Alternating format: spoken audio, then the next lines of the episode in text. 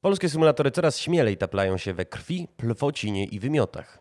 Kto jednak wie, czy od treści, również tych żołądkowych, bardziej kontrowersyjny nie jest anturaż symulatorów, a więc fejkowe trailery, tak zwane preprodukcje, dyktat wishlist i zbliżenie z giełdą.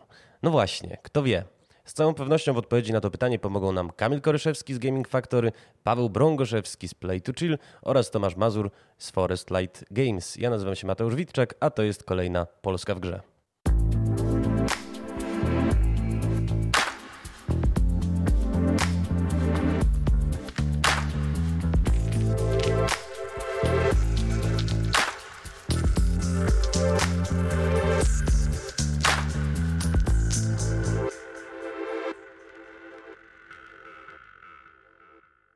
Moim i Państwa gościem jest Kamil Koryszewski, Project Manager w Gaming Factory. Cześć Kamilu. Cześć, cześć. E, Kamilu, no jesteś reprezentantem Gaming Factory, który się pojawia na e, stronie polskigamedev.pl dość regularnie. E, I, no ale z drugiej strony część czytelników mogła o Gaming Factory nigdy nie usłyszeć. Czy mógłbyś nam trochę opowiedzieć w ogóle dla kogo pracujesz? Mhm, oczywiście. E, tak, pracuję dla e, Gaming Factory, e, które niedawno, e, tutaj jak już mówimy o polskich czytelnikach, wyszło e, na giełdę. E, ostatnim naszym takim bardzo rozpoznawalnym tytułem jest Human Farm, który był bodajże dwukrotnie na polskim game devie. A nawet chyba trzykrotnie, bo faktycznie to jest taki łakomy kąsek i to nie, nie, nie tylko chyba, jeżeli chodzi o polski game dev zażarł, no ale nawet media mainstreamowe bym powiedział. E, tak, ale głównie, głównie e, polskie media. E, prawdopodobnie z tego powodu niektóre media nie mogły o nas napisać, z czego miałem takie informacje, że przekaz był zbyt drastyczny dla niektórych. Ale staramy się na pewno, jeszcze nie, nie jeden raz zaskoczymy naszych e, fanów, a także media. Więc tutaj jeszcze nie powiedzieliśmy e, głównego słowa. A powiedz mi, czy jeszcze- je- je- jesteśmy w stanie znaleźć jakieś takie idee fix stojące za produkcjami Gaming e, Factory? Bo ja tak sobie podliczyłem, że wy tych gier no, macie zapowiedzianych 30 na ten moment. Dwie wydane plus 35. cztery prologi. 35. dokładnie, z harmonogramem. No to już mam informacje nawet nieaktualne. E, 35 i to są tytuły, no ja tutaj nie mogę znaleźć jakiegoś wspólnego klucza. Może pomożesz. Jasne. E, Gaming Factory e, e, zaczęła od małych tytułów. Tak jak zobaczysz sobie, wejdziesz na Steam, są to małe tytuły, na przykład Back Academy, które jest bardzo fajną grą, mało rozpoznawalną, ale warto to, sprawdzić. Współpracujemy tutaj z Ultimate Games i e, nasze pierwsze tytuły były specjalnie właśnie małe, żeby sprawdzić rynek, czego oczekują gracze, jakie są e, pułapki, czego e, po prostu nie robić, co powinniśmy zrobić, prawda? Wtedy przeszliśmy do większych tytułów. Odkupiliśmy bodajże 8 tytułów od Ultimate Games, głównie jeżeli cho- chodzi o gry bitewne, które tutaj rozwijamy. I oczywiście wprowadziliśmy też nasze gry. I część z tych gier jest niskobudżetowa, niskonakładowa, e, która powinna się łatwo zwrócić i oczywiście przynieść dla nas e, wystarczającą ilość e, pieniędzy, żeby rozwijać większe gry. Gry, które na przykład tak jak Human Farm, tak jak Pizza Simulator, które niedawno zapowiedzieliśmy. Więc chcemy się rozwijać, ale chcemy uniknąć dużego ryzyka. Nie chcemy od razu wskoczyć do głębokiej wody. Prawda? Więc, więc tutaj, tutaj, jak spojrzymy na całe portfolio gier, oczywiście one, e, mówi się o nas, że mm, tak słyszałem takie głosy, że wydajemy tylko symulatory. Jednakże, jak spojrzymy na nasze portfolio 35 gier, e, tylko 13 z nich to są symulatory. Więc, więc no, to jest jedna trzecia, prawda? I w następnych latach prawdopodobnie będzie ten procent bardzo szybko malał. A to wynika ze wzrostu ambicji, czy może z pewnego przesycenia rynku, jeżeli chodzi o symulatory? E, ambicji, tak, tak, ambicji. Tutaj nie wszystko mogę jeszcze powiedzieć, prawda? Bo niedawno e, zatrudniliśmy nowych deweloperów, nowe teamy deweloperskie, które pracują już nad e, nowymi grami, ale to nie jest czas, żeby ujawniać to, bo tak jak mówię, nie chcemy rzucać się na coś, czego jeszcze nie ma. Jeżeli już coś będziemy czegoś pewni, wtedy to oczywiście opublikujemy. Będą e, oczywiście notki wysyłane do mediów, będzie to wszystko ogłaszane też, też e, na giełdzie, wszystko w swoim czasie. Dobrze, to teraz w takim razie, skoro mówimy o konkretach, no to powiedz mi, które z tych 35 gier, które macie zapowiedziane, to są tak zwane mhm. preprodukcje? E, preprodukcję. E, powiem może, może tak, e, na jakiej zasadzie działa preprodukcja, bo Jasne. wiele osób nie wie.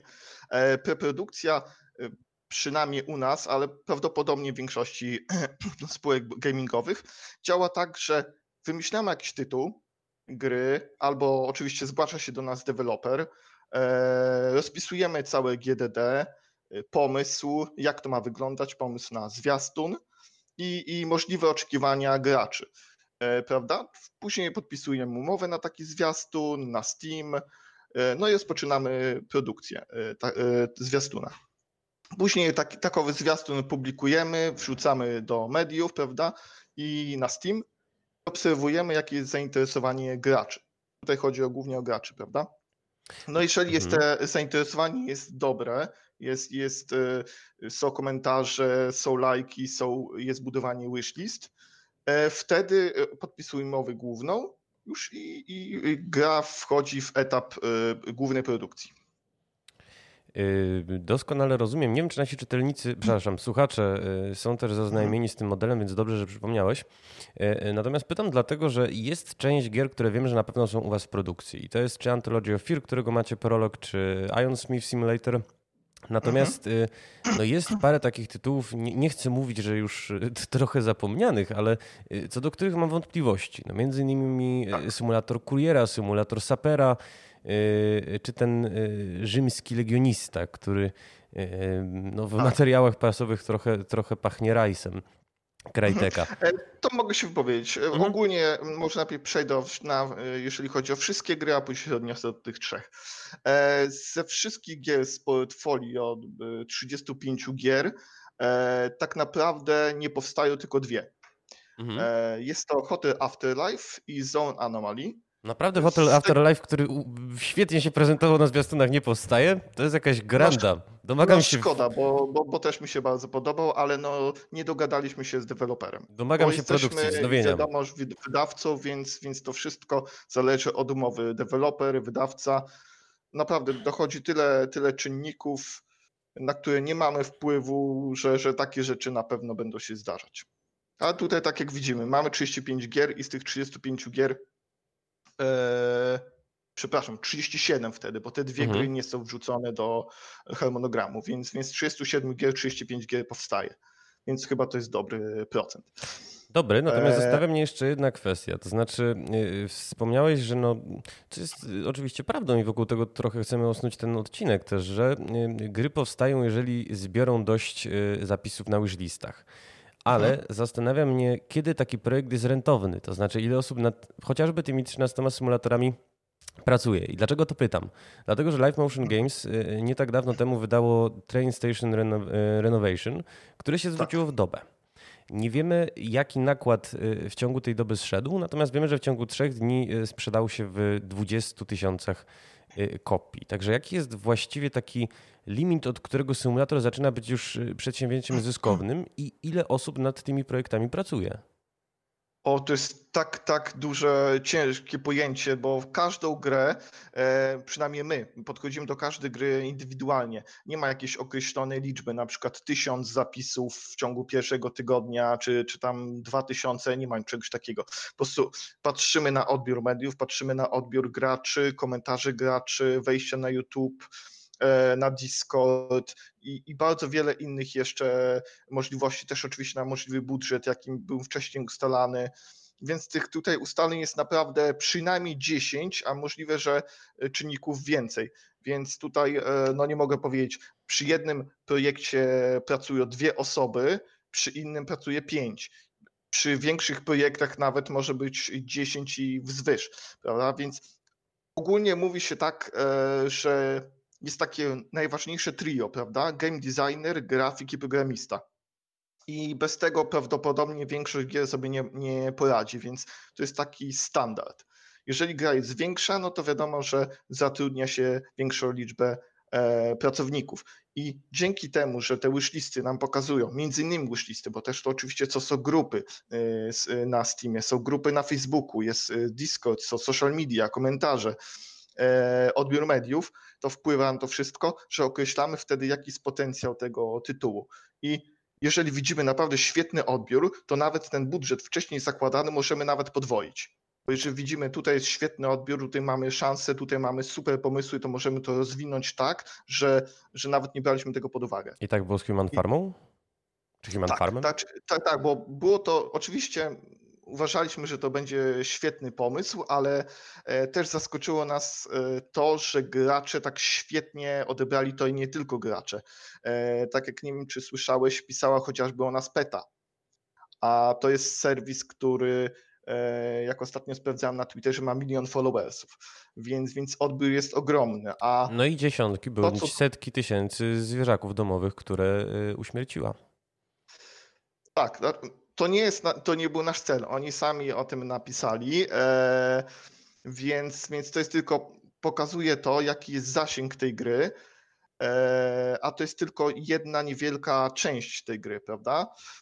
E, I też nie zaczęliśmy jeszcze tak na, na, na poważnie jeszcze reklamować tę gry, bo to jest dopiero mhm. początek. Więc mamy, mamy cały, cały plan rozpisany na mm, ponad rok. Tylko jedna rzecz mnie zastanawia. Może wcześniej wyjść, troszeczkę później. Więc wszystko bierzemy pod uwagę. Jedna rzecz mnie zastanawia, bo y, ja ten model rozumiem, nawet jestem w stanie być jego zarówno adwokatem, jak i krytykiem, y, ale nie da się ukryć, że to, co się pojawia na Steamowej karcie katalogowej na początku, może nie mieć z tą grą nic wspólnego. To znaczy nie jest powiedziane, że y, a będzie, no bo to jest w tym momencie film, to nie, nie, nie pochodzi on z builda. Więc czy, czy nie jest troszkę tak, że to jest potencjalnie wprowadzanie konsumenta w błąd? A czy y, to właśnie wytłumaczę, bo też, też jestem graczem od, od wielu lat i e, tutaj podchodzimy na zasadzie mm, takiego zmniejszenia jakby mniejszego zła, prawda? Bo zakładając, że robimy jakąś grę już długi czas, prawda? Bo jeżeli chcemy pokazać gameplay i dobry gameplay, no to, to stworzenie takiej gry prawdopodobnie trwa minimum jakieś tam 8 miesięcy, zakładając 8 miesięcy rok. I teraz po takim roku y, wydajemy y, ten zwiastun gameplayowy się okazuje, że no, gracze się tym w ogóle nie zainteresowani. I jesteśmy w takim momencie, y, jako raz, wydawca, dwa, deweloper, że my na tym stracimy, deweloper na tym straci i nie tylko jeżeli chodzi o same pieniądze, ale to rozpoznawalność, bo w grach jest tak, każdy pamięta ostatnią grę. Wiadomo, że Wiedźmy był ogromnym sukcesem, to każdy czeka na Cyberpunka. Gdyby gdyby ktoś, e, tak jak, tak jak na przykład było z The Sword of Mine, prawda?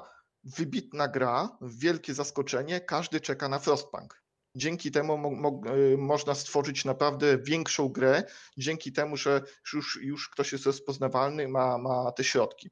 Okej, okay, tylko to, to nas nie ogranicza. To znaczy, rozumiem argument, jest skądinąd bardzo dobry, tylko z drugiej strony opieranie się na wishlistach i na modelu preprodukcyjnym E, czy, czy to nie stwarza takiego ryzyka, że e, deweloper będzie wybierał pomysł, który jest szybki, lekki, łatwy, prosty w wytłumaczeniu przede wszystkim? To znaczy, e, gro tytułów, które wymieniamy w zestawieniach najlepszych gier niezależnych roku, mhm. to są tytuły, których się nie da wytłumaczyć jedno-, dwuzdaniowym opisem czy, czy, czy krótkim trailerem. Trzeba jakąś komunikację marketingową zbudować E, szerszą, na takich fundamentach e, mocniejszych i działać z tym sukcesywnie. Tymczasem e, bardzo często, jeżeli chodzi o symulatory, i nie mówię tutaj o symulatorach koniecznie Gaming Factory.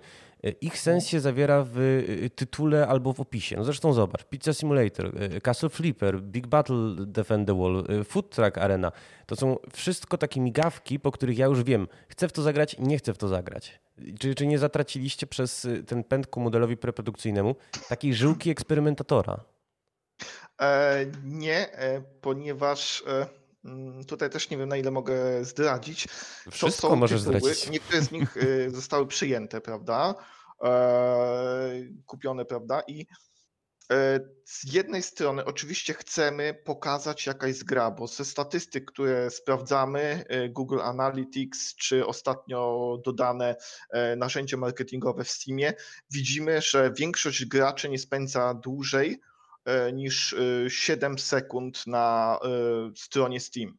7 sekund to jest naprawdę niewiele. 7 sekund?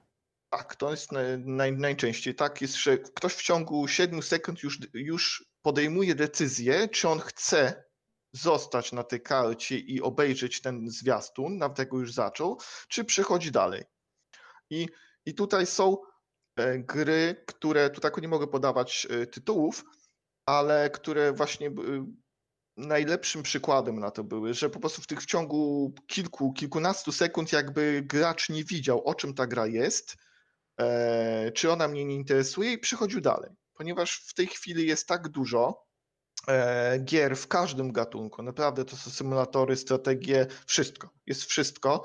Jest tyle wybitnych gier indie i to mówię nie jako e, wydawca, ale jako gracz, że, że jest naprawdę ciężko. Ja, ja bym musiał chyba cały dzień i noc siedzieć na Steamie, żeby obejrzeć wszystkie gry, wszystkie zwiastuny do końca, żeby wiedzieć e, o każdej z nich cokolwiek.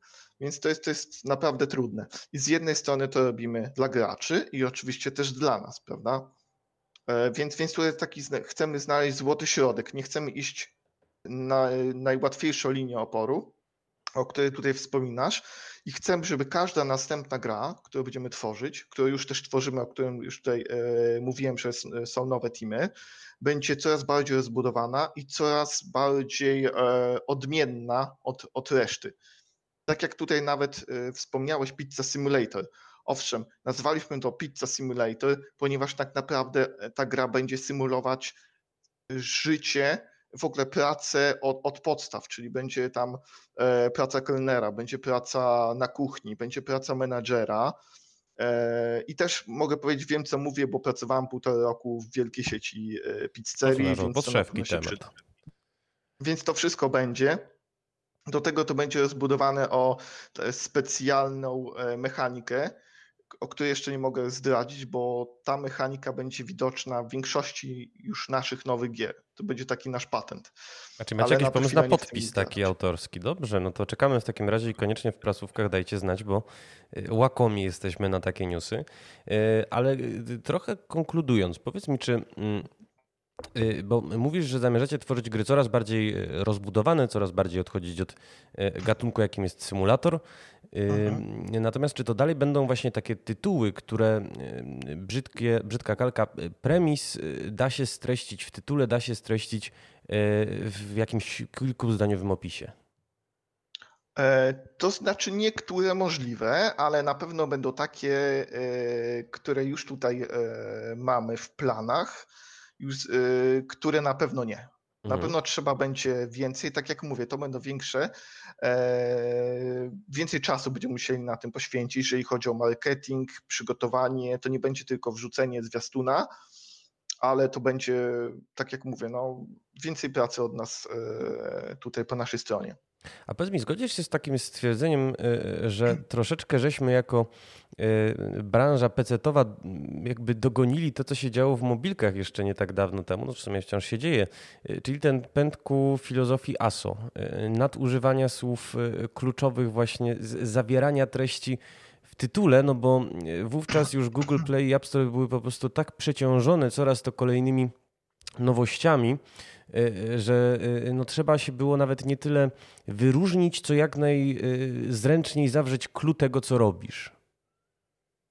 E, z jednej strony możliwe, chociaż ja nigdy nie byłem e, fanem gier mobilnych, nigdy, nigdy nie grałem w gry mobilne, jedynie tyle, żeby znać branżę, po prostu testowałem najważniejsze tytuły, e, ale nie odnoszę to w taki sposób jak e, właśnie gry mobilne. Możliwe, że Steam jakby stał się już tak ogromną platformą, że dogonił właśnie e, sklep e, Google. I czasami coś takiego jest, jest potrzebne, oczywiście, ale zawsze, nigdy, najważniejsze dla nas jest gra, prawda? Jeżeli gra miałaby na tym stracić, to czegoś takiego nie robimy. Tutaj jest najlepszym przykład właśnie Pizza Simulator gra jest o pizzy, prawda? O, o, o całym wszystkim, co jest związane z pizzą. Będzie gra, połączenie gry ekonomicznej, symulatora, strategii, gry akcji i w jaki sposób co możemy tak naprawdę o tej grze powiedzieć? No nie możemy napisać jakiejś nazwy, która w ogóle jest niezwiązana z grą, bo ktoś też mógłby się, nie wiem, zdenerwować. Kurczę, ja tu wszedłem, myślałem, że to jest gra bitewna, a to jest gra o pizzy. Prawda? Są też zajęte niektóre nazwy, których nie mogliśmy wykorzystać, więc tutaj byliśmy bardzo ograniczeni. Dlatego nazwaliśmy to Pizza Simulator, a nie z tego powodu, że żeby odnieść się do fanów gier symulacyjnych. To na pewno nie. Kamil, musisz natychmiast zaprzestać używania słowa pizza, ponieważ jest pora no już właściwie obiadowa okay. i powiem ci, że to, to, trochę na mnie działa tak triggerująco w tym momencie. E, to w takim razie... na obiad będę miał. O, to widzisz, może ja też sobie zamówię po naszej rozmowie. Natomiast w takim razie wróćmy do mniej apetycznego tematu, czyli do Jasne. Human Farmy, tudzież Human Farma. E, chciałem Ciebie zapytać, no bo my już rozmawiamy kilka miesięcy od tej e, zapowiedzi, co właściwie się e, z grą przez ten czas działo i jak zespół zareagował na no, ten ogrom zainteresowania i ze strony mediów, i ze strony pierwszych fanów. Owszem, na początku byliśmy bardzo mile zaskoczeni. W ogóle odbiór był fenomenalny. Oczywiście znalazły się osoby takie, które były niezainteresowane grą i, i zniesmaczone ponieważ e, no wiadomo, to trafiło na Steama, to trafiło na YouTube'a, e, wiele osób to obejrzało i były nawet takie e, komentarze typu, że jesteśmy nazistami, a i nawet grożące dla nas jako dla firmy, ale... Dlaczego nazistami tak, akurat? To, Słucham? Dlaczego akurat nazistami? Trudno powiedzieć, trudno powiedzieć. Naprawdę komentarze były tak, tak trudne. W większości na samym początku odpowiadaliśmy prawie na wszystkie komentarze, ale po jakimś czasie po prostu to było niemożliwe, bo w tej chwili prawdopodobnie e, komentarzy Human Farm jest kilka, nawet może kilkanaście tysięcy, więc, więc to jest niemożliwe do ogarnięcia. E, sami deweloperzy też byli bardzo zaskoczeni, byli zadowoleni, że gra się podoba. Od samego początku mocno pracowali właśnie, żeby nad tym tytułem, to jest ich, ich pomysł, to nie jest od nas, to nie jest e, preprodukcja. Zwykle on już, już od, od prawdopodobnie od ponad e, półtora roku planowali w ogóle tę grę. E, my tylko pomogliśmy im e, bardziej rozbudować ją o niektóre wątki fabularne. Mhm.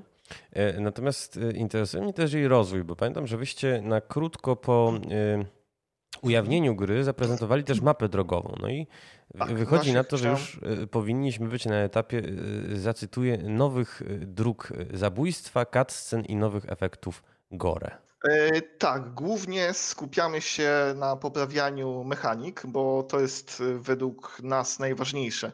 E, z tego, co oglądaliśmy komentarze, większość osób raczej nie, nie odnosiła do się do tej gry jak do gry takiej rozbudowanej fabularnie z jakimś drugim, trzecim, czwartym dnem, ale właśnie oczekuje krwi, rzezi i właśnie efektów zabijania. No byłem troszeczkę może rozczarowany tym, ale, ale nie zaskoczony.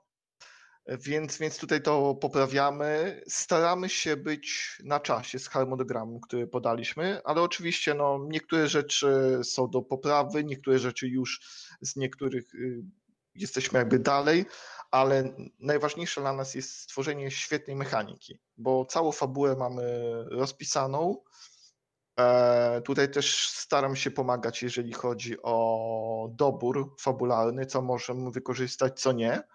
E, głównie opieram to na, właśnie tak jak zauważyłeś na roadmapie, tam były podane sześć nazw. E, nie wiem, czy teraz masz do tego dostęp. I każda z tych mhm. sześciu nazw odnosiła się do kilku filmów, na którym właśnie inspirujemy tą grę. Więc tam było sześć nazw i każda z nich cztery filmy. To jest gra e, jakby opiera się na pomysłach, inspiracjach z 24 filmów.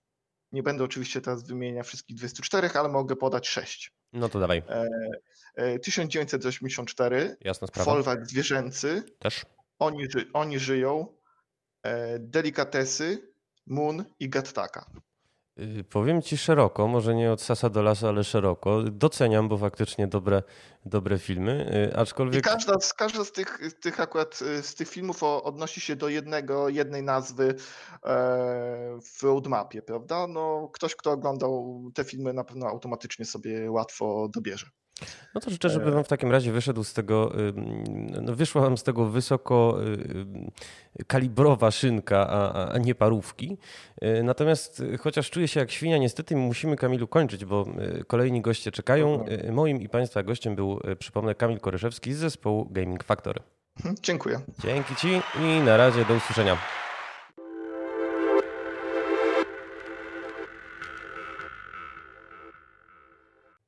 I wracamy. Moim i Państwa gościem jest Paweł Brągoszewski, wiceprezes zarządu Play to Chill. Cześć Pawle.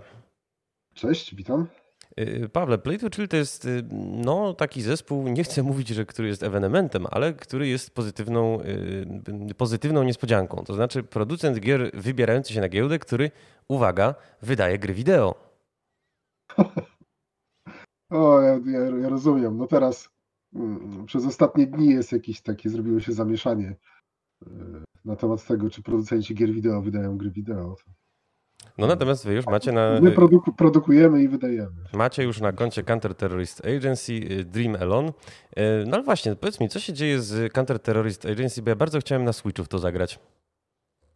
Aha, no y, tutaj za wiele, tak zacznę od tego, że za wiele nie powiem, ale dlatego, że my, my nie jesteśmy wydawcą tej gry. Tak, Games Operators jest wydawcą tak. Counter Terrorist Agency i w sumie wszystkie, wszystkie decyzje, na jakie platformy będzie, kiedy co będzie, no to niestety trzeba do nich uderzać. My jesteśmy skromnym deweloperem wyłącznie. Dobrze, no to będziemy czekać na informacje o certyfikacji ze strony pewnej spółki już pojawiły się niedawno. No ale przejdźmy w takim razie może do planów na przyszłość. A jeżeli chodzi o te plany na przyszłość, no to macie y, z tego, co kojarzę, trzy gry zapowiedziane. Y, Headsmana, o którym chciałbym trochę szerzej pomówić, Aha. Motorcycle Mechanic Simulatora i zapowiedziane no dosłownie przed chwilą Aztec Empire. Tak. Który to Aztec Empire, co też jest miłym zaskoczeniem, z pewnością nie jest preprodukcją. No nie, znaczy tutaj, tutaj ja bym tak, tak do, doprecyzował, o co chodzi z tymi preprodukcjami. Dawaj. Y, bo, bo tak w, w, moim rozumieniu to każda gra zaczyna się od preprodukcji. No, nie, nie może być inaczej. Tak, taki jest po prostu standard. Z tym, że to nie jest tak, że, że ktoś ma pomysł, a zrobię grę o króliku i zrobię film i zobaczę co dalej, prawda? To, to, to tak nie działa. Więc, y, więc jeśli, roz, jeśli mówimy o preprodukcji rozumianej jako mam pomysł i zrobię jakiś film, który wypuszczę, mhm. E, no to my tak nie działamy, no i Aztec Empire też nie jest, nie, nie jest takim projektem. Tam już jest dużo rzeczy zrobionych w, w, w tym projekcie. Ale oczywiście trailer został opublikowany w pewnym momencie, no jak najbardziej. No, zresztą bardzo w porządku. E, ale wiesz co, zanim w ogóle pomówimy o symulatorach, to chciałem e, naciągnąć Cię na takie mm, no, trudne pytanie, bo sam w zasadzie nie wiem, jak na nie odpowiedzieć. Co to symulator jest? Dlaczego pytam? Bo kiedy dorastałem, to pamiętam, że rzeczywiście symulacja mi się kojarzyła z czymś y, bardzo hardkorowym. Y, Microsoft wypuszczał symulatory lotu chociażby, które wymagały tak. no, niesamowitej biegłości, no i czasem też nie z gorszego oprzyrządowania. A dzisiaj wydaje mi się, że się ten gatunek jakoś tak troszeczkę, troszeczkę zmienił definicję, troszeczkę się ona rozszerzyła. Yy, tak, tak. To znaczy rzeczywiście, bo skoro pierwsze symulatory to były właśnie symulatory lotnicze, prawda, symulatory samolotów, więc ta nazwa tak przylgnęła, dlatego że w lotnictwie rzeczywiście są używane symulatory, prawda? I te gry, które się pojawiały, to były, można powiedzieć, y, y, symulacje symulatorów lotniczych, czyli ktoś, kto nie lata i nie ma dostępu do symulatorów takiego jak lotnicy się ćwiczą, to wtedy mógł sobie pograć w gry i przynajmniej poczuć bycie w symulatorze, jeśli nie w samolocie, prawda? Więc to takie dwustopniowa symulacja. A później rzeczywiście ta nazwa się rozszerzyła na wszystkie gry, y, w których jest, y, no, w których jest ta zawartość tej symulacji, czyli jakaś, jakiś obszar prawdziwego świata jest odwzorowany w miarę dokładnie. Ale niekoniecznie prawdziwego, to znaczy jest przecież teraz Polislar zapowiedział, zapowiedział, obwieścił datę debiutu swojego symulatora Mecha na przykład. To jest tak. abstrakcyjna koncepcja, to nie jest tak, że ja pójdę sobie teraz do garażu i zacznę reprować mechy. Tak, tak. No, trochę, trochę moim zdaniem, trochę jest tak, że y, ta, ta definicja się rozszerzyła po prostu i, i teraz bierzemy każdą grę, która w miarę y, wiernie od, odtwarza coś, czyli, czyli nie jest specjalnie wystylizowana, y, nie jest specjalnie taka, jest, jest do, do uwierzenia, powiedzmy, czy wygląda realnie, a nie jest strzelanką, no bo strzelanka też w sumie jest, można powiedzieć, że jest symulacją jakąś. I, i, i wiele FPS-ów to są niezłe symulacje, patrząc na przykład po, po tym, jak przeciwnicy się zachowują. No patrz, Arma koronny przykład. Tak. Y, natomiast no, ta, ta nazwa się rozszerzyła. Dlaczego? Pewnie trochę dlatego, że y, skoro gracze lubią symulatory, to dajmy im więcej symulatorów, prawda? Więc to jest takie jakby wychodzenie na, wobec tej, tego, tej potrzeby graczy, którzy lubią sobie w symulatory pograć. Mhm. Więc gry, które niekoniecznie są symulatorem samolotu, czy samochodu, czy są taką idealną symulacją jakiejś, jakiejś funkcji świata, nazywane są symulatorami, żeby po prostu dotrzeć do, do tych graczy, którzy e, będą zainteresowani. Może tak być, ale jednak jest tam jakiś taki wspólny rdzeń, prawda? My, my robimy symulator E, ten Motorcycle Mechanic Simulator, czyli symulator powiedzmy mechanika, tak naprawdę napraw motocykli, budowania motocykli. No i to można tak powiedzieć, że to jest odtworzona jakaś funkcja świata, że mamy jakieś maszyny, które są w miarę wiernie odwzorowane. Może nie ma takich motocykli naprawdę w świecie, tak? Był u nas grafik modeler je wymyślił, zamodelował, ale to, to odwzorowuje jakąś, jakąś prawdziwą rzecz ze świata i tak w miarę wiernie. Czyli jeśli w prawdziwym motocyklu jest hamulec, który ma tarczę y, i, i, i klocki, to tutaj też jest, tak? Czyli jest, zachowany jest jakiś taki, taka wiarygodność i realizm. No symulator mecha nie ma mechów, ale no też, jest, to, jest to rzecz, mhm. która jest dobrze, jakby w wyobraźni jest dobrze określona. Jak mówimy do kogoś, kto konsumuje popkulturę, mówimy o mechu, to on, on już wie o co chodzi, czy to robot, kroczy, to, tak, wiadomo o co chodzi. I Można sobie wyobrazić, że coś, Y, y, ale na bardzo ciekawą rzecz zwróciłeś uwagę, to znaczy na to, że y, symulator jako gatunek zaczął być no, taką, takim trochę parasolem, pod którym zebrało się tak wielu odbiorców, że niezależnie od tego, czy tworzysz grę realistyczną, nierealistyczną, to nawet być może opłacalnym jest użyć tego symulatora w nazwie, bo masz potencjalnie bardzo duże audytorium. Czy dobrze cię rozumiem? Ja nawet nie wiem, bo chciałbym mieć jakieś statystyki w kieszeni, je teraz wyciągnąć ale nie mam. Y, czy, czy jak się doda symulator, to jest lepiej, czy, czy jest gorzej, czy jest tak samo. Może to tylko się wydaje komuś, że jak doda symulator w nazwie, to będzie od razu lepiej. Y, to, no, trzeba uczciwie powiedzieć, y, że dla, dla deweloperów, dla producentów gier, rynek gier jest bardzo rynkiem o, o bardzo wysokim poziomie konkurencyjności. Tylko najlepsze tytuły zdobywają świat, prawda? Jest masa gier wydawanych, o których w większości nikt nie słyszał. Z tych, z tych gier, które się pojawiają na przykład na Steamie, prawda? One gdzieś tam spadają, więc trochę nie jest to dziwne, że, że jak jest tak duża konkurencja, to, to i deweloperzy, i wydawcy chwytają się wszystkiego, co pozwoli im yy, swój produkt, ze swoim produktem dotrzeć. To, to dosyć zrozumiałe. No i można się zastanawiać, czy jak ktoś zrobi Y, jakiegoś top-downowego JRPG i nazwie to symulatorem, to chyba przesada byłaby, prawda? Tak chyba, że był Chrono Trigger Simulator, tego, to, kupuję. W, wówczas od razu. Y, natomiast y, wasz Headsman nie ma symulatora w nazwie, ale jest projektem ze wszechmiar ciekawym. To znaczy wasz, swoją drogą, kolejny ewenement, ośmioosobowy, nieanonimowy zespół którego kompetencje mogę sobie sprawdzić natychmiast. E, no, nie mogę się ustrzec przed takim wrażeniem, że troszeczkę bazuje na kontrowersji, bo to będzie tytuł no, brutalny, z takimi akcentami gore. Zastanawiam się, na ile w momencie, kiedy w Polsce zostało zapowiedzianych ponad 100 symulatorów, a na pewno to jest liczba, ja ją wziąłem z głowy, ale przypuszczam, że jest jeszcze większa. Y, czy y, teraz opłaca się stawiać właśnie na kontrowersyjność? Czy to może być motor napędowy y, promocji tytułu? To znaczy, moje, moje zdanie o kontrowersyjności w grach w zasadzie jest takie, że kontrowersja może pomóc, ale kontrowersja nie zrobi gry. To po prostu nie da rady. Znamy przykłady gier, które starszych, nowszych, były gry, które były super kontrowersyjne, jakby tylko na tym się opierały i jakoś tam specjalnie gracze tego nie docenili. No a, są gry, a, a są gry, które mają kontrowersje dosyć ostre i gracze je lubią, więc czy kontro, kontrowersja nie wystarczy? Może mhm. być fajna, może być nawet takim świadomym działaniem, że dajmy tutaj coś, co, co, co potencjalnego gracza zaciekawi, że ojej, co, co, co to jest w ogóle, prawda? Czyli tak go tak go trochę chwytamy jakby na to, ale to kontrowersja nie wystarczy do zrobienia gry, bo gra musi być, w grę musi się fajnie grać, musi dostarczyć rozrywki na wiele godzin, więc sama kontrowersja nie wystarczy też dlatego, że jak zrobimy grę, która jest tylko kontrowersyjna, yy, to ona będzie nudna, bo, bo to, to po prostu się wypali, jakby gracz patrząc tylko na kontrowersję, no dobra, po, po 15 minutach się znudzi, nie będziesz chciał no to patrzeć. Tutaj w, ka, w, kacie, w kacie tak jest, bo to my patrzymy, y, y, tak jak się mówi, y, o, kat średniowieczny na pewno tylko jedyne co robi, to torturuje ludzi, prawda? A my do tego podchodzimy inaczej.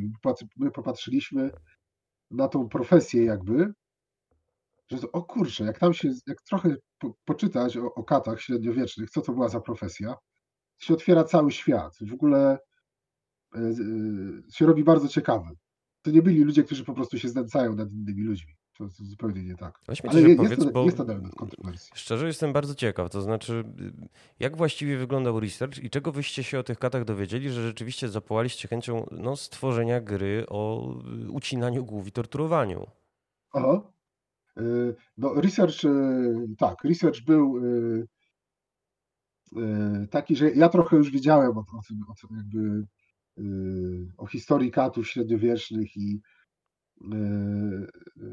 co to w ogóle było za stanowisko, skąd oni się brali, czym oni się zajmowali. E, trzeba było przewertować trochę książek, może nie jakichś bardzo poważnych źródeł historycznych, ale są, e, są, publikacje na ten temat. I, I, postać kata jest ciekawa, bo to jest, to, jest, to, to jest profesja, która była bardzo szanowana w średniowieczu, chociaż trzymano się z daleka ale, ale szanowano tą profesję, bo to był ktoś, kto zapewniał, y, to była jedna z osób, która zapewniała ład społeczny. Wiadomo było, że jest taka osoba i jak ktoś ukradnie konia, to później kat go powiesi, jeśli będzie wyrok. Więc to, to był. Dzisiaj tak na to nie patrzymy, bo dzisiaj, jest, dzisiaj są łagodniejsze czasy. Ale kaci zajmowali się czym? Na przykład yy, usuwali martwe zwierzęta z miasta. To była robota dla kata. On się zajmował takimi rzeczami. Albo E, co ciekawe, e, kaci w średniowieczu pobierali też podatki, opiekowali się oficjalnymi domami publicznymi w danym mieście. Pobierali podatki, pilnowali porządku. To była robota dla kata. I to też się w waszej grze znajdzie? E, tak, chcemy, żeby się takie rzeczy znalazły. Czyli żeby też gracz, który nie robił researchu i zacznie grać w grę o kacie, bo myśli, będę sobie ścinał głowy, będzie to jest to, co chcę robić, i nagle zostanie zaskoczony jakby takim szerokim spektrum tasków, które dostaje i, i misji. Prawda? Że musi na przykład zobaczyć, co się dzieje w, w miasteczkowym zamtuzie, bo tam coś nie, nie bardzo jest, jakiś, jak, jakaś, jak, jakaś zadyma, trzeba zrobić porządek, a on się tym właśnie zajmuje. Albo y, szlachcic zwichnął sobie e, bark i ktoś musi nastawić, ale nikt nie nastawi w mieście, bo medyk to tylko waży jakieś zioła. No, takich rzeczy to jest albo kowal, albo kat, więc przyprowadzili do kata gościa, który takie rzeczy też robił. Nie chciałbym, żeby no, Kat mi nastawiał cokolwiek. Wybacz, ale po prostu ale... kłóci mi się to z... No, tak, i... ale on, mhm. on się cieszył zaufaniem, czyli był trochę straszny, ale cieszył się zaufaniem, bo ludzie wiedzieli, że kto jak kto, ale on to wie, o co tam chodzi w środku w człowieku, więc wysyłali ją tam pyk, prawda, i nastawiał. Albo do Kowala, który, który był silny po prostu. Więc y, ja, ja tak wymieniam takie, co, co tak, takie y, prawie że dykteryjki, czy co ciekawsze, mm. ale to była profesja bardzo taka Y, szeroka, czyli, czyli różne rzeczy, które dzisiaj mamy, nie wiem, zakład oczyszczania miasta, mamy y, służby siłowe, mamy więziennictwo, mamy te wszystkie struktury. Kiedyś był jeden facet, który był katem i obskakiwał jakby, brzydko mówiąc, całe miasteczko w tych różnych zadaniach. To dosyć interesujące moim zdaniem. A że kontrowersja jest, no jest. To prawda, chociaż uważam, że o oczyszczaniu miasta jako warszawiacy nie powinniśmy na ten moment y, wspominać za dużo. Y, ciekawi mnie jeszcze bardzo, jak wy jesteście w ogóle w stanie pogodzić te wszystkie projekty. No bo w takim razie, jeżeli macie trzy projekty naraz, realizowane teraz, a ośmioosobowy zespół, to jak właściwie jesteście no, taki nawał pracy na siebie w stanie wziąć? Czy to jest tak, że e, jednego dnia się ktoś budzi i pracuje nad Hetmanem, e, dwa dni później nad, nad Aztec Empire, a w piąteczek na przykład sobie zrobi jakieś asety do motocykli? Nie, nie, tak to, tak, tak to nie jest. Natomiast jest, jest trochę tak, że na różnych etapach jakby produkcji gry różne osoby są bardziej zaangażowane lub mniej. My staramy się robić tak, żeby jak już jest jakby ten, yy, ta, ta, ta główna produkcja, czyli już yy, powiedzmy mamy zrobioną, jesteśmy zadowoleni z, z głównej pętli gry, robimy, robimy levele, dorabiamy content, rozbudowujemy grę, to żeby wtedy osoby, które się tym zajmują, zajmowały się tylko tym, bo one wtedy jakby siedzą, siedzą głowami w tym jednym świecie, prawda? A nie robią tylko, to lepiej działa po prostu. Natomiast jest tak, na przykład, jeśli robimy, e, jeśli, jeśli kodujemy tą główną pętlę gry, czyli powiedzmy, tutaj załóżmy, że to jest, prawda, eksploracja, wykonywanie zadań, niech to będą nawet te egzekucje, e, inne zadania, które są w grze, to jeszcze ludzie, którzy dostarczają zawartość, na przykład grafików, tu nie będzie za dużo zaangażowanych wtedy. Możemy mhm. to robić na y, jakby samymi y, programistami w zasadzie, prawda? I później, kiedy to działa, no to wtedy y, możemy zmienić, ale nie tak, że, że nie wiem kto, designer dzisiaj dostaje zadanie, zrób level do kata, a jutro zrób coś tam do Azteków. To, to tego unikamy, takiego zmieniania to nie jest najlepsze. A jak to rozwiązujemy? My staramy się, yy, to jest też etap preprodukcji właśnie, na którym my liczymy, ile potrzebujemy osób na którym etapie. Czyli jeśli na przykład teraz potrzebujemy, yy, trochę mówię z głowy, ale załóżmy dwie, trzy osoby do czegoś, to nie musimy mieć zespołu, który jest bardzo duży. Mhm. Na późniejszym etapie, kiedy będzie dużo produkcji, dużo zawartości, potrzebujemy więcej osób, które tym się zajmą w pewnym momencie, i to dosyć wcześnie, wchodzą osoby, które będą testować to. Więc to są kolejne osoby, które będą zaangażowane, ale nie, nie na całym etapie. Więc no, robimy tak, żeby y, z jednej strony, żeby nie, nie pompować zespołu, żeby on nie był bardzo duży, bo to jest, y, żeby nie było pustych przebiegów jakby. Mhm. Ale to nie jest tak, że mamy 8 osób i, i chcemy w te, w te 8 osób, a jakoś to będzie, jakoś zrobimy te trzy gry czy coś. To, to nie, nie, my My też planujemy, ile osób i jakich, y, y, jakich kompetencji będzie na którym etapie potrzebne. Yy, okej, okay. A powiedz mi, yy, bo macie tytuły, które odnoszę wrażenie, mają swój target. To znaczy masz Motorcycle Mechanic Simulator, teraz dużo spółek wchodzi, no chociażby Simteract, czy, czy mówi się sposobi za sprawą Road Games w taki segment właśnie gier no, przeznaczonych dla facetów po 30, 40, fascynatów e, motoryzacji, e, którzy no, są już mężczyznami dobrze sytuowanymi, którzy są przyzwyczajeni do kupowania gier, więc zapewne grę kupią. Macie Aztec Empire, które się mm, no, odwołuje do strategów. Strategy to też jest na Steamie no, niby nisza, ale bardzo silna nisza, która jest w stanie płacić za tytuły i, i nawet dokupywać e, do nich moc DLC-ków.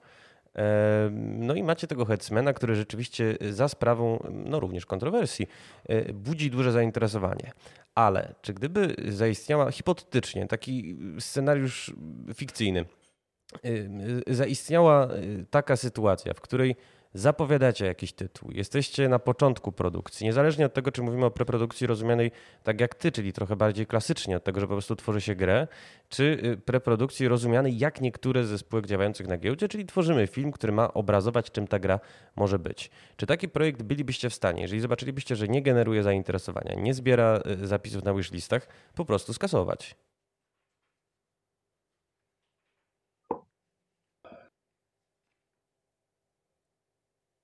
To jest, to jest, to jest nie, nie bardzo wiem, jak odpowiedzieć, bo yy, to znaczy, jeśli, jeśli byśmy uznali, że jest jakiś projekt, który zupełnie, zupełnie nie trafił do nikogo, czyli wymyśliliśmy grę, która nam się wydawała super fajna, yy, i, i nawet pograliśmy w prototypy i nam się wydawało, że jest super fajnie, a później to zupełnie nikogo nie interesuje. Yy, czy może interesuje jakąś niewielką grupkę, która na to czeka? Yy, no, to jest trudna decyzja. Yy, jeszcze nam się tak w, te, w tej chwili nie mamy takiej sytuacji. No macie złote strzały, stary, naprawdę. Co po prostu widzę, że planujecie, to to jest, jeżeli chodzi o nadchodzące tytuły, naprawdę to są tytuły, które mają swój target i, i co więcej mają target, który jest skłonny zapłacić. Tak, wiesz co, ale no mówię, to, to jest właśnie ta, ta preprodukcja. My na przykład robimy yy, yy, tutaj mniej więcej mogę zdradzić bardzo taką insiderską informację, y, że tak naprawdę pomysłów na gry, i to takich nie, że mam zdanie w głowie, tylko mam naprawdę koncept, mhm. który jakoś mi się obraca w wyobraźni, wiem, co by tam miało działać. To w, w moim takim tajnym arkuszu, to tych pomysłów w tym roku chyba było 90.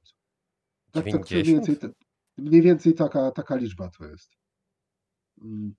I, I później y, to, to, co y, mnie albo komuś tam się wymyśliło, to trafia przez bardzo takie grube, y, przez, właśnie nie grube, przez drobnooczkowe sito. Najpierw jedno, robimy jakiś taki, można to nazwać nawet grupą fokusową, czyli badamy na małych grupkach. Co wy sądzicie o tym?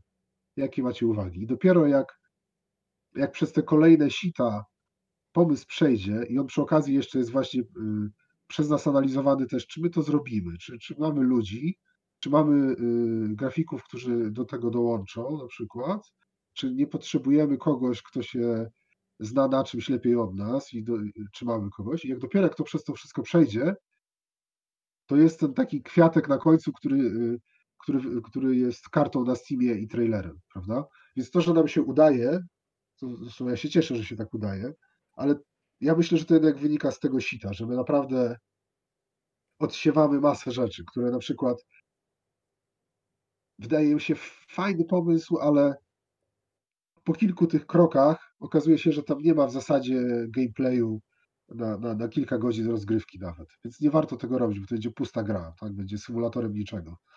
Y, więc nie róbmy tego. Albo jest pomysł, który może się okazać za duży dla nas. Znaczy, musielibyśmy.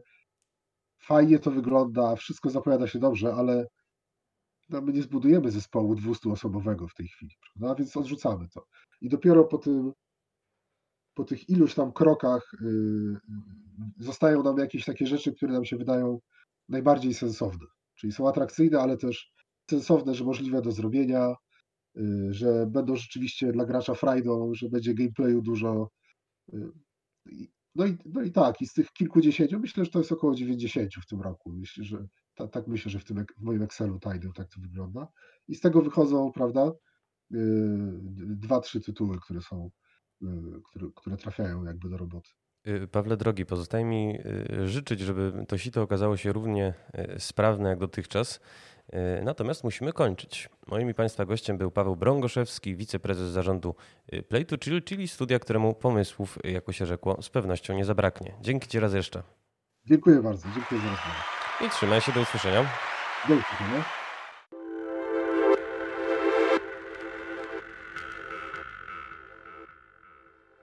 Gościmy dziś w naszym studiu Tomasza Mazura, Forest Light Games.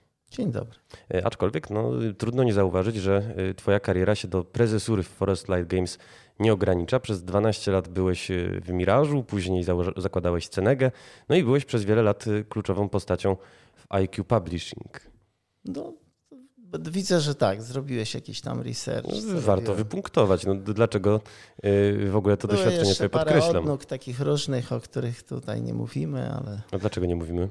No, nie wiem, no to, wiesz, za dużo tego było, żeby o wszystkim opowiadać. Wiesz, mam jakąś swoją historię w mediach, prasowych pierwszych, czyli Bajtku komputerze, tak, pierwsze polskie wydawnictwo o grach, czyli 44 gry na Atari, to razem z Sergiuszem napisaliśmy, zeszło, rozeszło się w jakichś niebotycznych ilościach egzemplarzy dzisiaj nieosiągalnych, no ale to pierwsze, pierwsze wydawnictwo, zresztą dzisiaj jak czytam te nasze opisy, to się mocno śmieję, no bo nie było żadnych materiałów źródłowych, myśmy to tworzyli po prostu.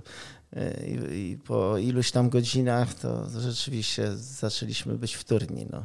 no ale wtedy, wtedy to było coś pierwszego, więc trzeba było jakoś te lody przełamać. No.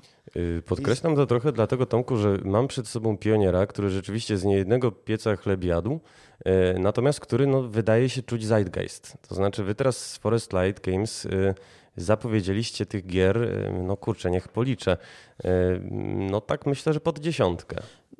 No to chyba nie do końca tak, bo starałem się już to tłumaczyć. Tak? Każda z tych gier ma jakąś tam swoją historię. Niektóre, zgadzam się, tak jak powiedziałeś, e, są zapowiedziami jakimiś tam we wczesnym etapie produkcji. E, niektóre są na ukończeniu, a, a niektóre były gotowe i my tak naprawdę je poprawiamy. Tak?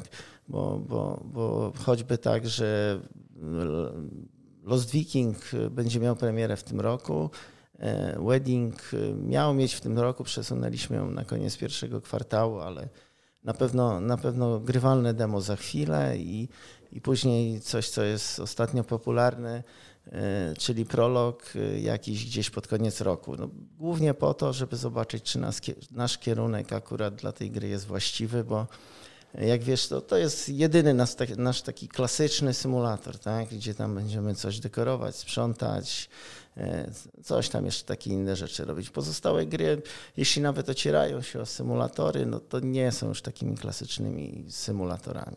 Do tego, czym jest klasyczny symulator. Ja wiem, dojdziemy. Pewno. Dojdziemy, dojdziemy. Natomiast, Natomiast jakby wracając, tak, rzeczywiście zapowiedzieliśmy w ciągu ostatnich czterech, e, czterech miesięcy mniej więcej e, raz, dwa, trzy, cztery produkcje, tak? z których dwie są, przyznaję, już w takim dość no, zaawansowanym, zależy jak na to patrzeć, toku. Dwie, no, dwie są we wczesnym, na, na wczesnym etapie. No dobra, no to lećmy w takim razie listą. Powiedziałeś o weddingu, powiedziałeś o Lost Vikingu. Yy, Lifeguard Simulator. Yy, to może od, od tych, tych, starszych, tak? Jasne. Mamy jeszcze Doriana, to jest taki Dorian Morris Adventure, taki mały point and click z pewnym twistem takim w sobie, bo o, to była gra, która powstała właściwie już parę lat temu e, z myślą o takim badaniu predyspozycji zawodowych, tak? ale była grą, absolutnie grą z zagadkami, taką serią łamigłówek. To jest taka gra przez część naszego zespołu, a część w ogóle nie naszego zespołu robiona jakiś czas temu. Myśmy postanowili to jakby trochę uzdatnić do, do wydania, bo uważamy, że jest dość fajna, ciekawa, mała gra bez jakichś tam większych oczekiwań. Tak? I ona jest właściwie gotowa, my tam e, poprawiamy ją, poliszujemy gdzieś tam w tle. Nie ma ona żadnego zespołu dedykowanego, po prostu e, tam jest jakiś grafik, jest programista, który tam jest jakiś designer, y, ten game designer, który tam jakieś poprawki wprowadza bez, bez, bezterminowo, że tak powiem. Na pewno ją wydamy w tym roku. Y, myślę, że w listopadzie. Tak? Y, Lost Viking, o którym wspominałem, to jest taka historia robiona, właściwie gra trochę naszego pomysłu, ale robiona na zaczęliśmy ją robić na początku na początku tego rozdania jakby, tak, bo Forest Light jest firmą bardzo młodą jako Forest Light, natomiast no, że tak powiem, spółka ma trochę więcej lat, to jest nowe rozdanie dla tej spółki. Natomiast my z wieloma osobami z naszego zespołu znamy się znacznie dłużej niż, niż tylko w Forest Lightie. I y, Lost Viking był robiony na początku naszej kariery, nazwijmy to pod nazwą Forest Light, dla zewnętrznego wydawcy. Tak? Początkowo Ultimate Games, a finalnie na Gaming Factory. I, I, skończymy, no takie są plany, żeby tą grę zakończyć w tym roku. Tak? I jest na tyle zaawansowana, że myślę, że się uda. Tak? Także demo powinno być na festiwalu Steam do ogrania. E, także podobnie jak Doriana i Weddinga. Wedding też jest w takiej fazie, że mówię, no moglibyśmy go wydać na siłę gdzieś tam na koniec roku, ale nie zrobimy tego, bo chcemy jeszcze sprawdzić parę pomysłów, parę rozwiązań, żeby on się jednak troszkę różnił od takiej klasycznej klikałki. I myślę, że koniec pierwszego kwartału jest jak najbardziej realny. Pozostałe gry, tak może w kolejności, tak? Czyli The Pope, Power and Scene, no to na pewno nie jest symulator. To, to, raczej gra strategiczna, bardziej bym powiedział. E, no wszyscy mówią, że uderzyliśmy w jakiś skandaliczny temat. No, ja bym powiedział bardziej historyczny, z pełną świadomością wybierając oczywiście dość barwnego papieża w historii papieży, czyli Aleksandra IV, tak? E, który z rodziny Borgiów i bardzo się na tym wzorowaliśmy i to jest nasz chyba na dzisiaj najważniejszy projekt. E, samo, znaczy tak, scenariusz, dokumentacja powstają już ładnych parę miesięcy. Gra dokładnie od kiedy? No dokładnie chyba od marca. Bo w kwietniu był trailer. Tak, zgadza się. I pierwsze, pierwsze rzeczy, pewno dojdziemy do tematu, który się nazywa preprodukcje. Na pewno. E, natomiast e, myśmy nie sprawdzali nic z papieżem. Nie? To, to jakby przy preprodukcjach sobie powiemy, dlaczego moim zdaniem tak, niektóre tematy pojawiają się aż tak szybko. E, znaczy są upubliczniane aż tak szybko, zanim dużo tej gry nie powstało. Natomiast myśmy byli świadomi tej gry i jakby tego, co chcemy z nią zrobić. Ona oczywiście jest w tej chwili na etapie produkcji, czyli dalej dokumentacja sobie powstaje, natomiast powstają postacie, już powstają konkretne rzeczy do tej gry. Będziemy stopniowo to pokazywać. Mm, nie wiem, czy nam się uda w tym roku, ale jeżeli nie, to na początku przyszłego też wydać taki prolog, ale taki prawdziwy prolog zgodnie z planami. To ma być cała historia do, do konklawy opowiedziana, a gra ma trochę dłużej trwać, tak? Swoją drogą mówisz, że gra jest y, historyczna, nie, y, nie, nie macie sobie nutki skandalisty, y, ale oglądałem ten minutowy zwiastun i na tym minutowym zwiastunie mam tak. Najpierw morderstwo papieża, potem prostytutki, potem sugestia tortur, zatrucia i na koniec cygara. Y, y, no, no, trudno, wiesz, ten zwiastun zresztą zażarł, no macie 230 tysięcy wyświetleń, o połowę więcej od y, konkurencyjnego Pop Simulatora od Ultimate Games. Znaczy wiesz co, no, no temat jest, znaczy tak, nie, nie ukrywam, że szukaliśmy takiej barwnej postaci, ale jakby no pewna część jest oczywiście fikcją jakąś tam, ale opieramy się na rzeczach, które miały miejsce w historii. Jak ktoś poczyta, to rzeczywiście mieliśmy to, że papieże byli zachłanni, to, to że papieże walczyli o władzę i, i, i, że były różne historie w tle, mówię, może nie bardzo współczesnych papieży, ale w tych dawnych latach to jest oczywiste. To, że palono kogoś tam na stosie, że zabijano swoich przeciwników, to, to była normalna polityka. Tak? I kobiety też nie są obce w całej historii Kościoła natomiast oczywiście my nie chcemy aż tak tego emanować, natomiast jeśli mieliśmy kogoś zainteresować barwną postacią, to staliśmy się do niej zbliżyć. Y, jak widzisz, jak zobaczysz, tam nie ma takiego zdecydowanego pokazanego morderstwa, nie ma też jakichś takich scen, nie wiadomo jakich widzimy, tylko że papież gdzieś tam żegna się z, z jakimiś kobietami. Tak? Roznegliżowanymi. Roznegliżowanymi, ale nie, nie, nie mamy zamiaru absolutnie iść w stronę jakiejś tam przemocy, bardziej się chcemy skoncentrować na, może na intrydze, tak? na intrydze, na, na, na fabule, na postaciach, na, na tym, na, na, na rządzy władzy, tak? ale w tle pokazać, no może ta ostatnia scena, o której wspominałeś, jak ktoś zna historię, jest nie, trochę nieprawdziwa, bo bo, bo nie znano cygar wtedy jeszcze w XVII wieku, ale no, pozwoliliśmy sobie, oko. tak, chodziło nam, żeby pokazać, że, że ten nasz papież to nie będzie taki grzeczny papież e, Franciszek, prawda, tylko bardziej taki trochę, trochę bliższy ludziom, taki bardziej ludzki, tak, natomiast mówię, e, oczywiście będzie to elementem gry, natomiast bardziej nam zależy na, na tym, co, co wokół, tak, czyli niegrzeczny papież, który rządzy, rządny pieniędzy, rządny władzy, Y, żyjący jak normalny człowiek. Tak? Mam nadzieję, że gra się spodoba. Nam na razie to, to, co robimy, się podoba. Zresztą trudno, żebyśmy robili coś, co nam się nie podoba. Chciałem ciebie w ogóle zapytać, bo y, podkreśliłeś przed chwilą, że no to oczywiście nie będzie symulator. Czy symulator jest dzisiaj balastem, czy może jakimś atutem? Pytam dlatego, że Play to Chill zapowiedziało niedawno Aztec Empire, które wygląda na strategię, natomiast z pewnym rozbawieniem przeczytałem w materiałach prasowych, że to będzie symulator budowania. Hmm.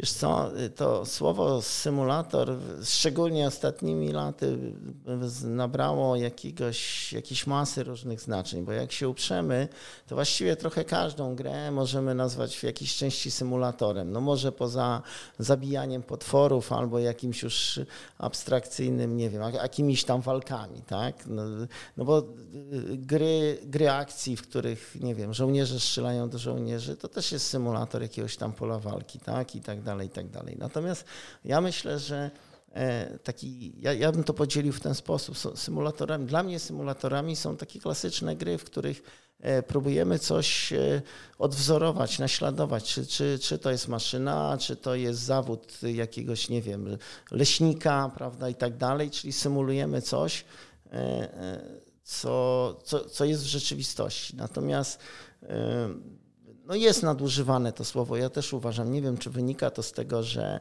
że te symulatory gdzieś tam zyskały popularność, czy dlatego, że komuś się wydaje, że użycie takiego tagu to przyciągnie mu wielu, y, nie wiem, wielu kolejnych obserwujących i tak dalej.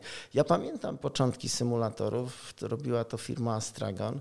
Znałem się z nimi wiele lat, bo tak jak przytoczyłeś moją historię, najpierw był jakiś dev, potem była dystrybucja, potem była też taka dystrybucja, ale z elementami devu. Zawsze chciałem bardziej się produkcją gier niż sprzedażą zajmować, ale jak to w życiu bywa, trzeba było coś, coś gdzieś w innym miejscu się znaleźć. A, I mm, nie pamiętam ile lat, nie chcę to umieszczać gdzieś tam w, chronologicznie, ale Astragon zaczął robić takie symulatory. Symulatory, pamiętam, że z którychś targów przywieźliśmy całą taką całe pudełko, albo nam wysłali po targach pudełko tych ich symulatorów. Jak żeśmy to oglądali, no to, no to płakaliśmy, że no po prostu nie, nie mamy siły, żeby takie coś zaoferować graczom, bo naszym zdaniem to nie spełniało żadnych jako, żadnego e, poziomu jakości, tak? ale okazało się po chwili, że oni tych symulatorów sprzedają tam taczkami, tak?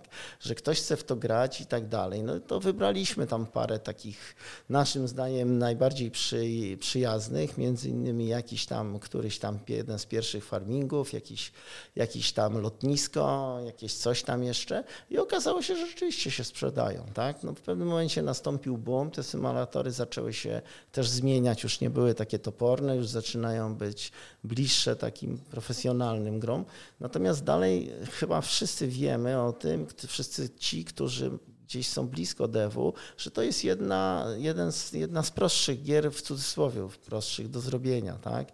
Dlaczego? No to długo by opowiadać. Natomiast y, i też jeżeli rozmawiamy tu teraz o zespołach, o, o, o devie i tak dalej, to musimy jednak ten nasz polski dev podzielić na, na różne segmenty, które są absolutnie różne od siebie. No, gdzieś na górze, prawda, CD Projekt z Techlandem do spółki, później gdzieś mamy 11-bit, na dzisiaj Hogów. Krypiczar, mhm. Hogów. Tak? No, możemy wymieniać dużo tych firm, natomiast, natomiast gdzieś tam na końcu tej piramidy są, no już nie mówię o takich zespołach dwuosobowych, które tam sobie w zaciszu domowym coś tworzą, ale takie małe zespoły, pięcio, sześcioosobowe, siedmiu, czasami nie większe, no, które od czegoś tam zaczynają. No i ja, ja uważam, że to samobójstwo byłoby pewne, gdyby się porwali nagle na produkcję, tak?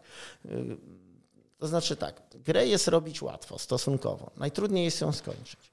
To znaczy, przychodzi taki moment, y, to wszyscy przez to przechodzili, jak zaczynali, że nagle patrzymy na tą naszą grę i chcielibyśmy coś dorobić.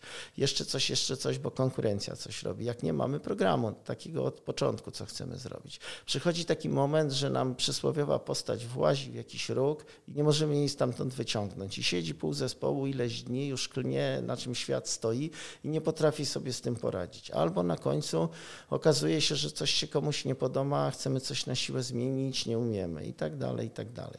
Więc myślę, że najważniejsze w tym wszystkim jest to, żeby jeżeli ktoś się porywa na jakąś grę, żeby był świadomy, że będzie w stanie jej zrobić. Tak?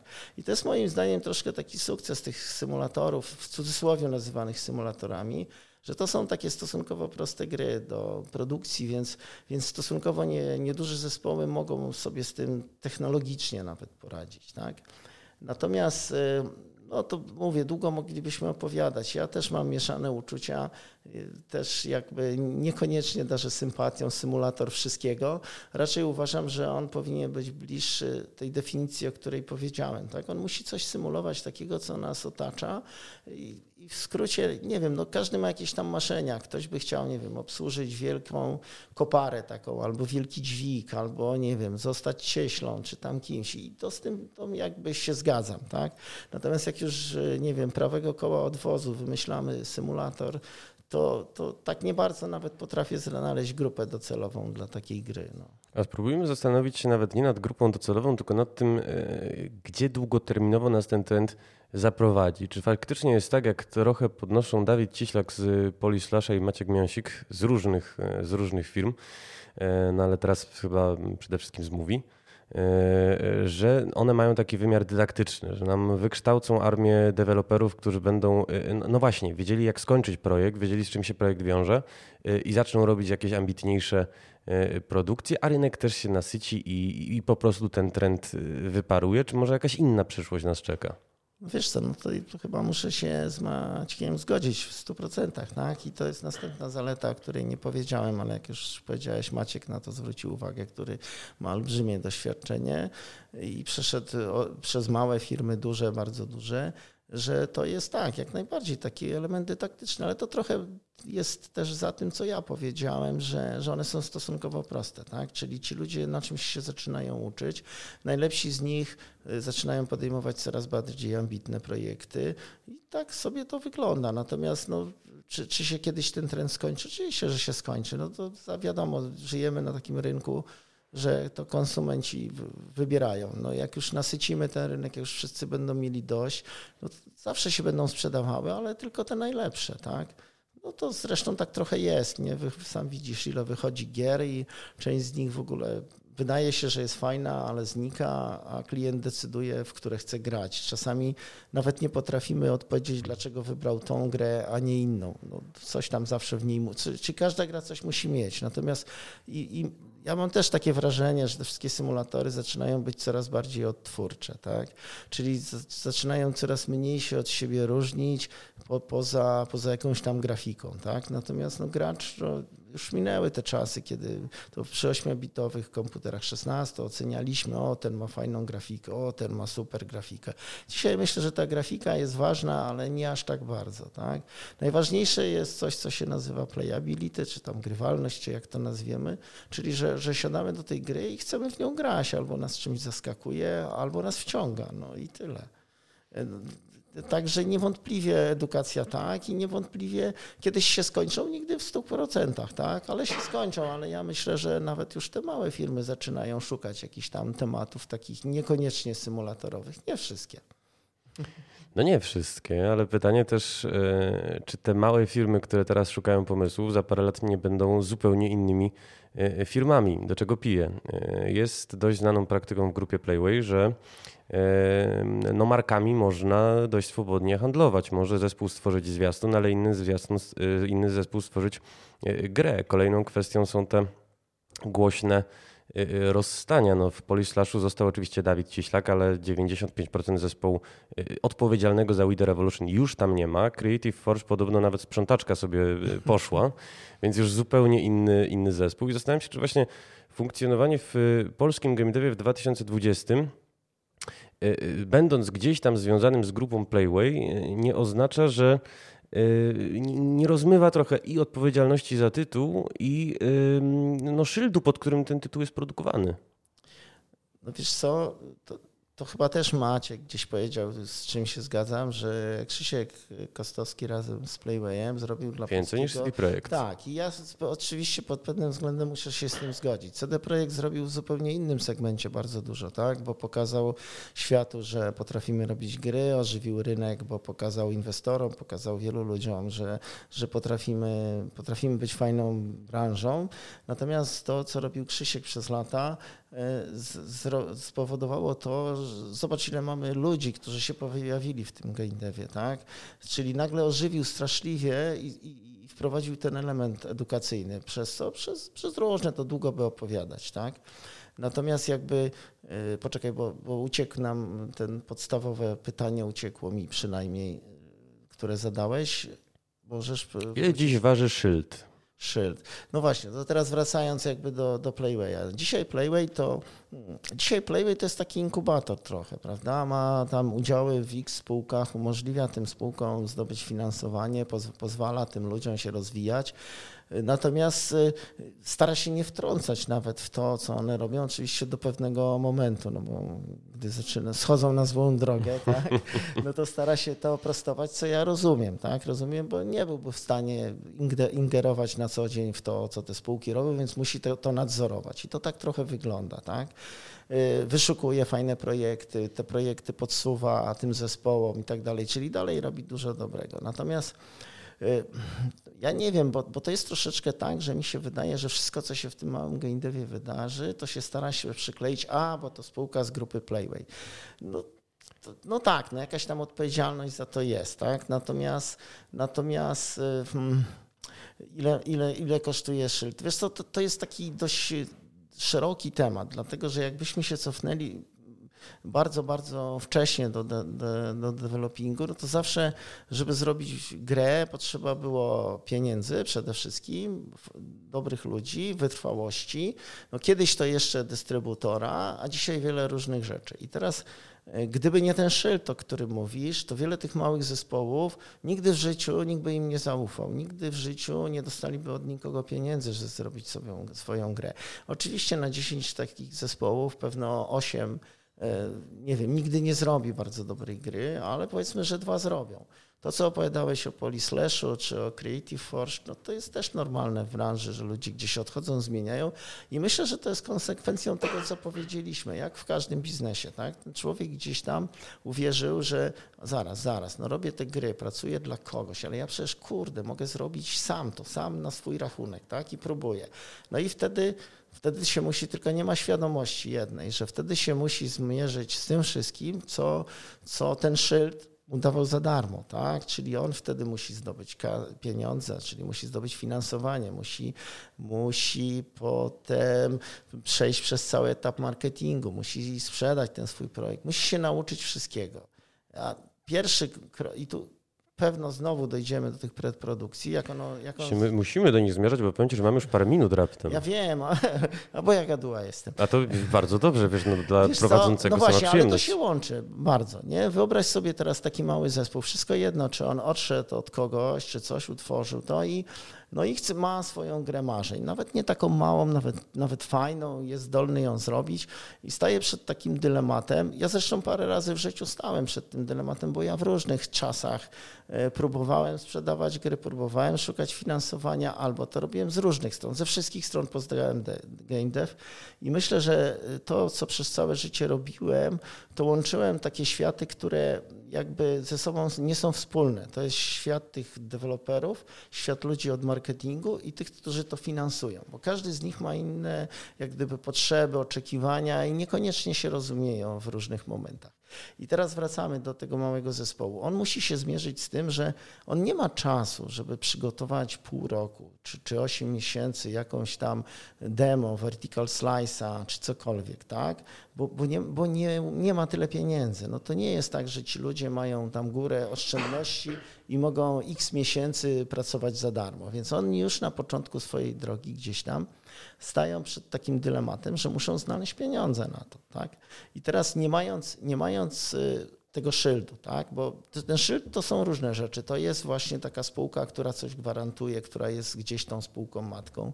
To jest czasami doświadczenie, tylko że teraz idziemy dalej. Doświadczenie ludzi jako ludzi od, osobno nic dla inwestorów nie znaczy. Ja już, może inwestorów trudno mi powiedzieć, natomiast wydawców, ja już paru wydawców w da, dawnych czasach, powiedzmy, znaczy nie tak bardzo dawnych, ale nie ostatnich, szukałem wydawców dla różnych projektów i zawsze e, najtrudniejszą rzeczą było, że nawet jak był jakiś zespół, naprawdę super zespół z super projektami, ludzie, którzy mieli historię, którzy produkowali różne gry, to na początku było tak, ale co ten zespół, jako ten zespół zrobił?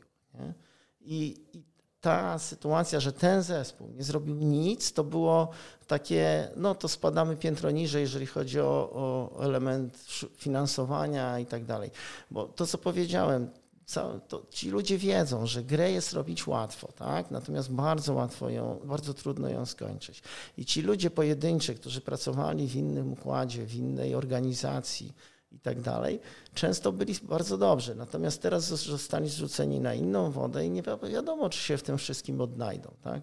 Poza tym nie oszukujmy się. Te małe projekty, jak jest tam parę osób, tak od dwóch do, do sześciu, to można sobie siedzieć w jednym pokoju, nawet dokumentacji większej nie przygotować, coś tam rozrysować na papierze i próbować robić taką grę. To oczywiście jest błąd, tak? bo zawsze dojdziemy do takiego momentu, że ten projekt nam się będzie rozrastał. Natomiast jak chcemy już robić normalne gry, chcemy mieć inwestora, chcemy mieć wydawcę, no to sorry, musimy przejść na inny level, czyli na profesjonalizm. Już często nie wystarcza GDO, GDD, ale muszą być jakieś narzędzia kontroli, musi być, nie wiem, Jira, jakiś influence, jakieś skumy, jakieś plastiki, gdzieś te to wszystko gdzieś musi leżeć. Ten wydawca, czy inwestor, czyli ktoś, kto powierzył swoje pieniądze, chciałby mieć nad nimi kontrolę.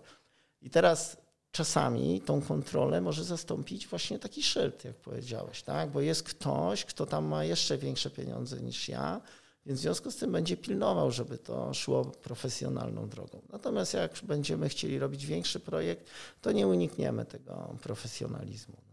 Tomku, y, niechybnie musimy się mówić na jakąś drugą turę rozmów, bo naprawdę mówisz bardzo ciekawie i powiem Ci, że jak rzadko podczas naszego podcastu ja w ogóle siedzę, słucham urzeczony, no naprawdę można Ci rzucić temat i przepięknie o nim opowiadasz, także mam nadzieję, że się jeszcze na antenie spotkamy. Moim i Państwa gościem był dzisiaj Tomasz Mazur z Forest Light Games. Dzięki raz jeszcze. Dzięki.